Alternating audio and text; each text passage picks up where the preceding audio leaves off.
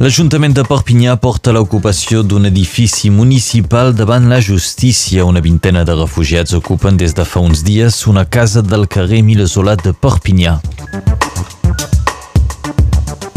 Nova agressió a la presó de Perpinyà. Aquest cop s'ha produït al centre penitenciari de dones que acull quasi el doble de detingudes que el que permet la seva capacitat. I el Tribunal Suprem de Madrid ahir va declarar un mosso d'esquadra independentista. Tornem avui sobre la seva declaració en aquest informatiu.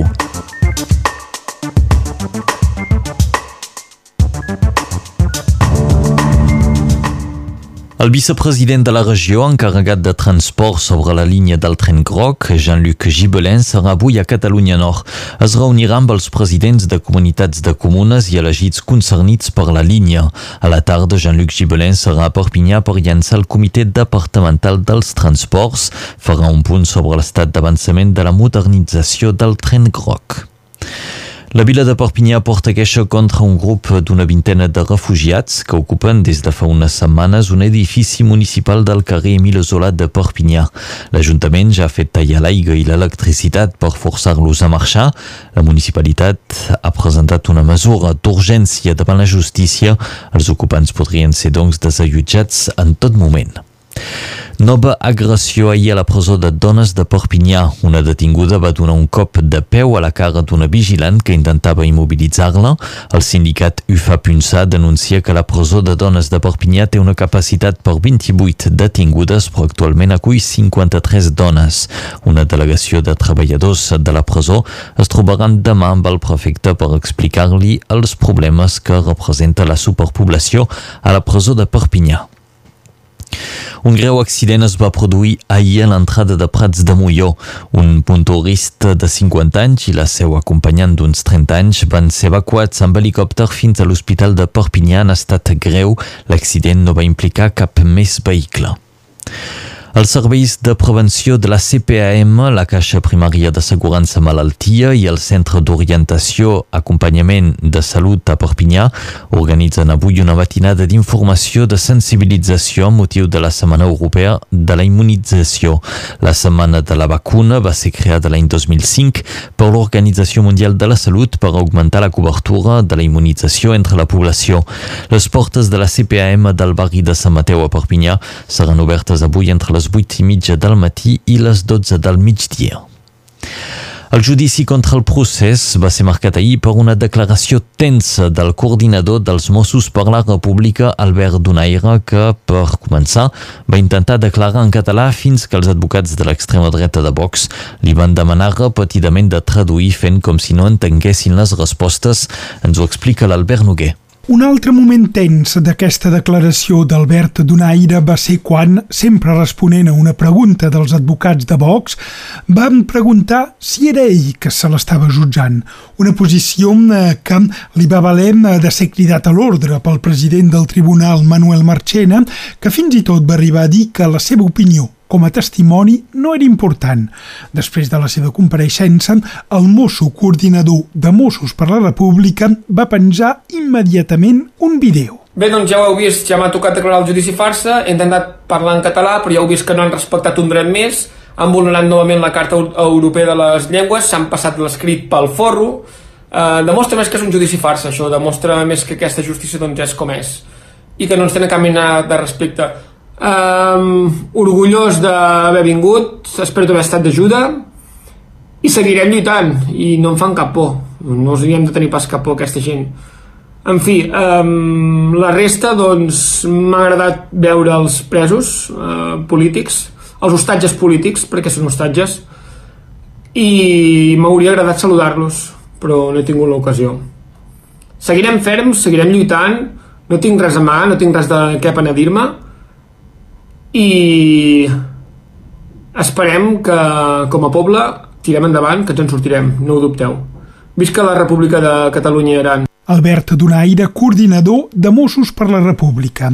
Avui, entre altres, estan citats a compareixer diversos catedràtics de dret i ciència política, membres del Diplocat, exdiputats i senadors d'Esquerra Republicana, la CUP i Junts per Catalunya. Moltes gràcies, Albert Noguer. I la primera ministra d'Escòcia, Nicola Sturgeon, ha anunciat un segon referèndum d'independència abans del maig de l'any 2021. Sturgeon ha assegurat que l'única manera de protegir els interessos d'Escòcia és aconseguir la independència. Recordem que l'any 2014 el no a la independència va guanyar amb un 55,3% dels vots davant del 44,7% pel sí, amb una participació massiva. I a Hong Kong ahir jutjaven els líders de l'anomenada Revolució dels Paraigues que l'any 2014 van protagonitzar 79 dies de protestes per reclamar més llibertats. Un tribunal els va condemnar ahir a penes de fins a 16 mesos de presó per càrrecs com ara incitació, conspiració i pertorbació de l'ordre públic, la qual cosa suposa un cop al moviment a favor de la democràcia de Hong Kong. El Barça encara no és campió de Lliga. L'Atlético de Madrid havia de perdre ahir contra el València per fer que el Barça guanyés el campionat. Els madrilenys es van imposar per 3 a 2, per tant el Barça haurà d'esperar, potser fins dissabte quan afrontaran el Llevant al Camp Nou.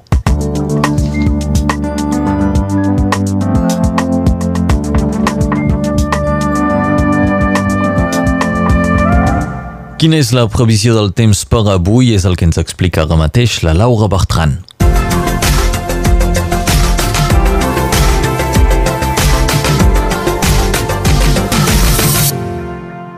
El país és dividit en dos aquest matí. D'una part, Cerdanya, Capcí, Conflent i Vallespí, on hi ha precipitacions d'una certa intensitat. Fins i tot seran acompanyades de tempestes a inicis de tarda i de l'altra, la plana del Rosselló, la vall de l'Aglí i l'Albera, on és una alternança de sol i núvols. Al llarg de la tarda són les clarianes que s'acabaran imposant a quasi tot Catalunya Nord. Continua bufant el vent de mitjorn amb ratxes màximes de fins a 80 o 90 km per hora.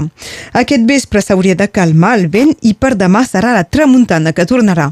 Pel que fa a les temperatures d'aquest dijous, són semblants o un poc més altes que les d'ahir. Les màximes avui arribaran fins als 22 graus a Toluges, Millàs i Arles de Tec, 21 graus tant a Cabastany com a Serret, Torelles i Prada, 20 a Llauró i Caixàs, 19 graus a Argelers de la Merenda i Oleta, 16 graus tant a Mosset com a Prats de Molló, 15 a Fontpedrosa, 12 a la Guingueta d'Ix, 11 a la Tor de Carrol, 9 tant a Montlluís com a Er i 7 de màxima a Font Romeu. Ens quedarem lluny, doncs, del rècord de calor a Perpinyà per un 25 d'abril. Va ser l'any 2002 amb una màxima que superava els 29 graus i una mínima que no va baixar dels 20. El sol es pondrà avui a les 8 i 41 del vespre, guanyarem així dos minuts de llum del dia. El 25 d'abril de l'any 1974 marca la revolució dels clavells a Portugal, una revolució contra la dictadura de Salazar. És un dia com avui també que d'una banda va néixer a Amsterdam Johan Cruyff l'any 1947 i de l'altra va morir l'any 2014 el Tito Vilanova a conseqüència d'un càncer. No descuideu de fer un putú a tots els marcs i justament la frase del dia diu si plou a Sant Marc, 40 dies de fang.